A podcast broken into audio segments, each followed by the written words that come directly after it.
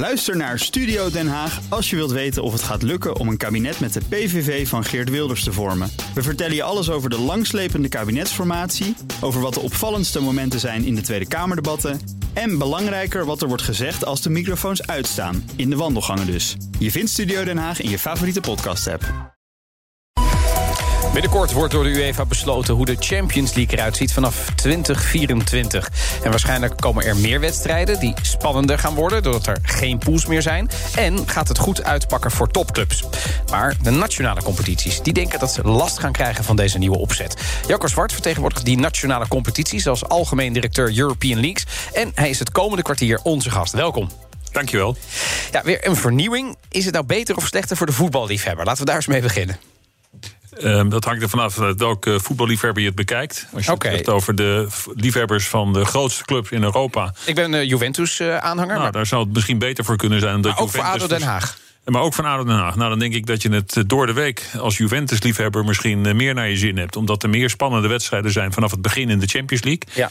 Maar dat je als ADO Den Haag-fan uh, het minder goed naar je zin gaat hebben. Omdat uh, het risico is dat ADO Den Haag het nog moeilijker krijgt. Dat om het hoofd boven water te, ja, nee. om, ja, nog moeilijker zeg ik. om het hoofd boven water te houden in de Eredivisie. Nou, laten we beginnen met die nieuwe opzet. Wat wil de UEFA globaal veranderen in die Champions League? Ja, de UEFA uh, heeft een plan bedacht om uh, de opzet uh, radicaal te veranderen. Nu is er een opzet waarbij alle clubs, dat zijn er 32, worden ingedeeld in acht pools van vier. Ja. Die spelen dan allemaal uit en thuis tegen elkaar, zes wedstrijden.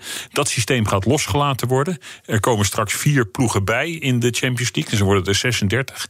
En die gaan met z'n allen in één grote ranglijst zitten, zoals dat ook in normale competities het geval competitie wordt het dan. Ja, precies. En je speelt alleen in die competitie niet tegen iedere tegenstander. Je speelt tegen een beperkt aantal tegenstanders en maar één keer, uit of thuis. Ah, kijk, en dat kunnen ze met een heel evenwichtig lotingssysteem en ook een eerlijk lotingssysteem zo inrichten dat dat ook tot een eerlijke competitie leidt. Dat Bayern München niet meteen tegen de winnaar uit uh, Liechtenstein komt, omdat je dan meteen een hele slechte. Precies. Nu ja. zal de winnaar uit Liechtenstein nee, niet snel meedoen. Nee, nee. Maar uh, Bayern München zeker wel. Ja, uh, maar, maar, maar dus dat, dat model is best aantrekkelijk. En uiteindelijk, na de groepsfase, dat noem ik dan toch nog maar zo. Dit, want dat blijft wel zo? Noemen Ja, we een beetje groepsfase toch nog? Precies, want dat ondanks... zijn dan eh, tien wedstrijden, is Ja. het idee van UEFA. Vier meer dan nu. Ja. Eh, daar komen we straks ook nog wel verder over te praten. Ehm, maar dan heb je één ranglijst en dan de nummers 1 tot en met 8. Die kwalificeren zich rechtstreeks voor de knock-out fase na de winterstop.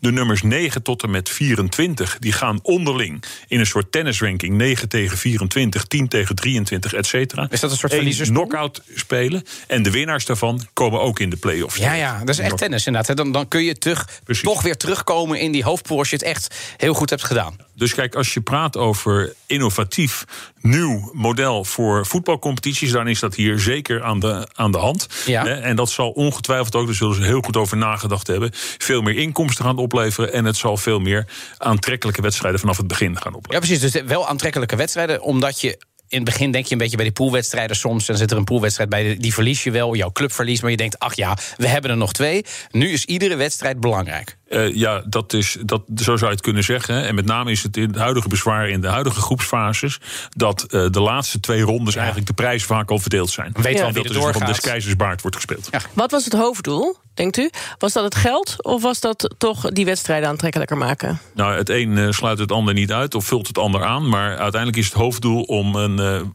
commercieel aantrekkelijkere Champions League op te zetten die meer geld oplevert. Geld is kortom, ja, precies. Ja. Ja, en het commentaar, hè, want er zijn ook bezwaren natuurlijk, ondanks dit model.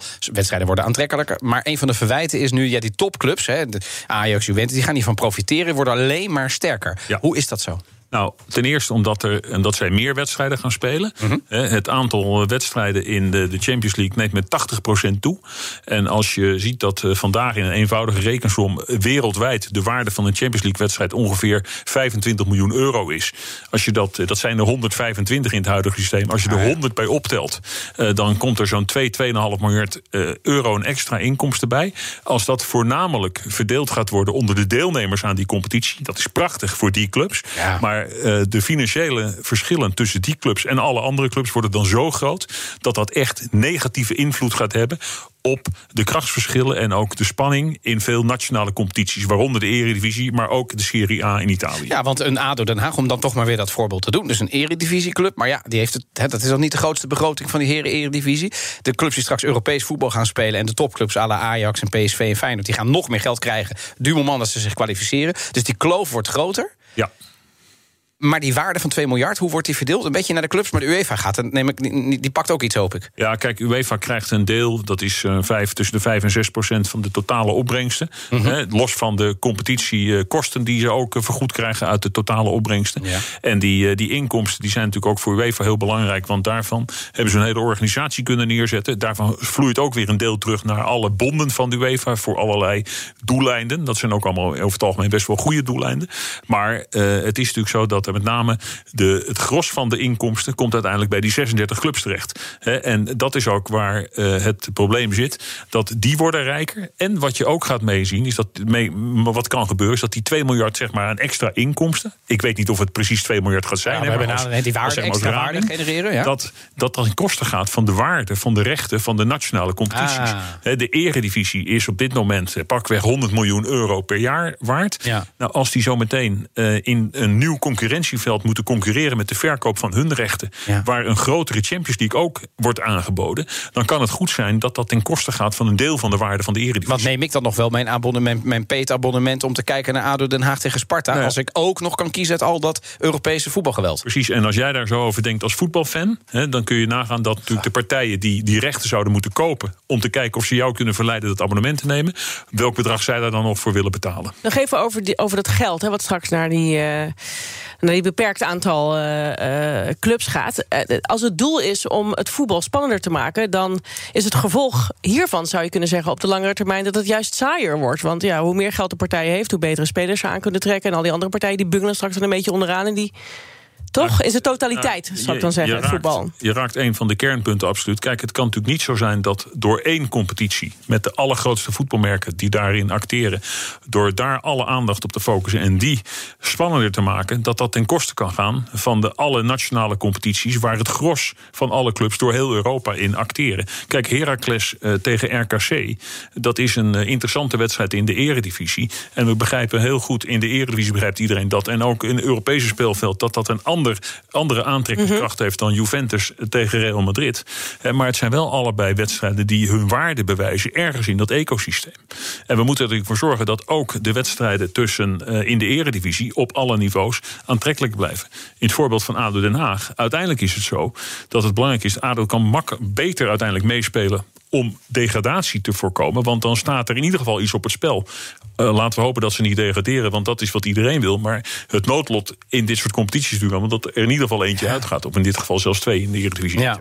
Je luistert naar BNR in de middag. De gast is Jacco Zwart, algemeen directeur van European Leagues. En we hebben het over de nieuwe opzet van de Champions League. Blijven we toch nog even bij die nieuwe opzet zoals die is uitgelekt. Het aantal wedstrijden, dat worden er ook fors meer. Um, is dat een Um, zitten daar ook nog bezwaren aan? Want ik kan me voorstellen dat het een hele puzzel wordt om dat straks weer te maken. Nou, dat is al niet makkelijk. Ik noem natuurlijk al het bezwaar van die extra inkomsten. En waar mhm. gaan die dan terechtkomen? En daarnaast is het natuurlijk ook zo: het gaat tot meer, zeg maar, nog een nog vollere, overvollere wedstrijdagenda. Hij is al best vol, hè? Leiden. Die zit vol. Je moet nagaan dat alle partijen die competities organiseren, de FIFA met een WK voor, voor nationale teams en voor clubteams, UEFA met hun internationale competities voor de clubs, maar ook met hun internationale competities voor nationale teams, hè, de Euro die eraan gaat komen ook nu deze zomer. De nationale competities, de bonden met hun bekercompetities. Dus dat stapelt zich allemaal op. En hebben we het nog niet eens gehad over het feit dat er ook nog een Conference League aankomt. Ja, die komt erbij, maar die wordt op dezelfde dagen gespeeld als eh, de andere Europese competitie. Dus dat gaat niet tot extra spanning op de wedstrijdkalender leiden. Maar uiteindelijk moeten er natuurlijk uh, moeten in het model van de UEFA vier wedstrijddagen worden toegevoegd aan de wedstrijdkalender, die al overvol is. En wie gaat daar de rekening voor betalen? Zijn dat de nationale competities? Zijn dat de nationale nationale teamcompetities? Zijn dat de bekercompetities? Nou, kortom, dat is een hele ingewikkelde puzzel waarvan wij in ieder geval zeggen: het kan niet zo zijn, omdat je de Champions League groter wil maken en ook wel groter wil maken in aantal speeldagen, dat dat ten koste zou moeten gaan van de nationale competitie. Dat is nu, als ik het goed begrijp, wel he, dat, echt het geval. Um, hoeveel kans hebben jullie in de lobby naar de UEFA? Wordt er goed naar jullie geluisterd? Er wordt wel goed geluisterd. Dat is nog iets anders dan er wordt er ook gehandeld. met datgene wat wij, wat wij willen. Ja, ontevreden over? Nou, wij hebben geprobeerd, weet je, we, zijn, we proberen echt een hele constructieve houding in aan te nemen. Daar zijn we ook over begonnen. We zien het als een innovatief, interessant model. Ja. We hebben concreet binnen onze organisatie drie aanpassingen die we zouden doen. Die hebben we eigenlijk allemaal al de revue laten passeren. Dat gaat over het beperk nou de groei van het aantal wedstrijden en van het aantal dagen. Wij hebben ook een heel uitgesproken standpunt over die vier extra clubs. Wie zouden dat moeten zijn? Hè? Moet dat nummer zes van Engeland worden? Of moet dat de kampioen van Denemarken, Zwitserland of Oostenrijk zijn? Nou, Waar zijn jullie onze voor? voorkeur is dat laatste. Ja. Meer kampioenen in de Champions League. En het laatste is nog van dat we vinden dat in het hele besluit ook meteen al een paar principeafspraken moeten worden gemaakt over hoe straks die hele grote berg met geld verdeeld gaat worden. Nou, dat zijn we nu aan het lobbyen. Ja, Eh, en- wij lobbyen met name naar de bonden toe. Dat zijn dus de KNVB en alle collega-bonden door heel Europa heen. Want dat is uiteindelijk het, degene, zijn dat degene die dat gaan beslissen Ja. binnen de UEFA. En ik, ik neem aan, bij de KNVB eh, is er een warm welkom altijd.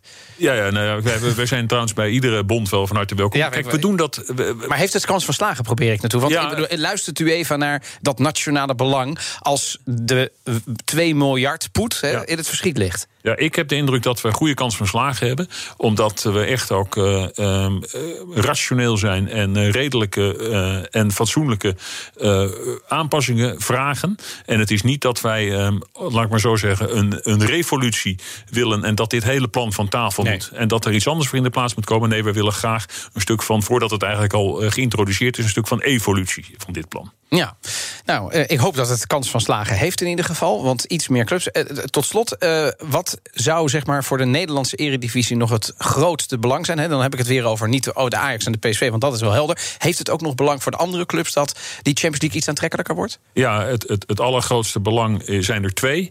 Voor het Nederlandse voetbal één is om te zorgen dat er inderdaad meer kampioenen kunnen deelnemen. Dan wordt de kans blijft groter dat de kampioen van Nederland deel kan blijven nemen aan de Champions League. En het andere is meestrijden met ons voor een eh, meer eerlijkere verdeling van alle gelden. Nou, we gaan het hopen. Dank Jacco Zwart, algemeen directeur van de European Leagues, bij ons te gast. En gesprekken als deze die plaatsen we ook online als podcast. En die kun je natuurlijk vinden op de BNR-app eh, op Topgast of ga naar bnr.nl/slash Ook Harm Edens vind je in de BNR-app. Je kunt BNR Duurzaam niet alleen live luisteren in de app, maar ook terugluisteren als podcast, zoals al onze podcasts.